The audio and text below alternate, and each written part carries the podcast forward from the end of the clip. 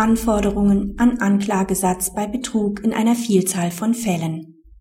Der erste Strafsenat hat in einem Anfragebeschluss an die anderen Senate seine Absicht angekündigt, bei Verfahren, die eine Vielzahl gleichgelagerter Vermögensdelikte zum Gegenstand haben, die Anforderungen an die Formulierung des Anklagesatzes herunterzuschrauben.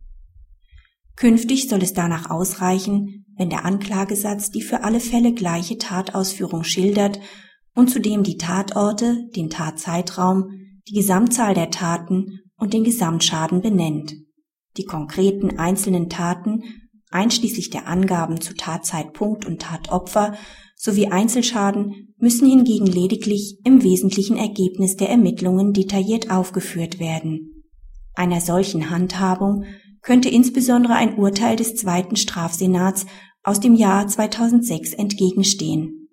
Dort sahen die Richter bei einem derart gefassten Anklagesatz die hinreichende Konkretisierung der Tatvorwürfe nicht gegeben und hatten gerügt, dass der Anklagesatz seine Informationsfunktion nicht erfülle.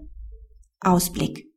Das Stunden, mitunter sogar tagelange Verlesen von Anklagesätzen ist manchmal eine Tortur für alle Verfahrensbeteiligten, die die Anklage bereits kennen. Die Öffentlichkeit kann ohnehin solchen Zahlenkolonnen nicht folgen, so dass auch hier die Informationsfunktion ins Leere geht. Von daher ist zu wünschen, dass dem Anfragebeschluss des ersten Senats Erfolg beschieden sein wird.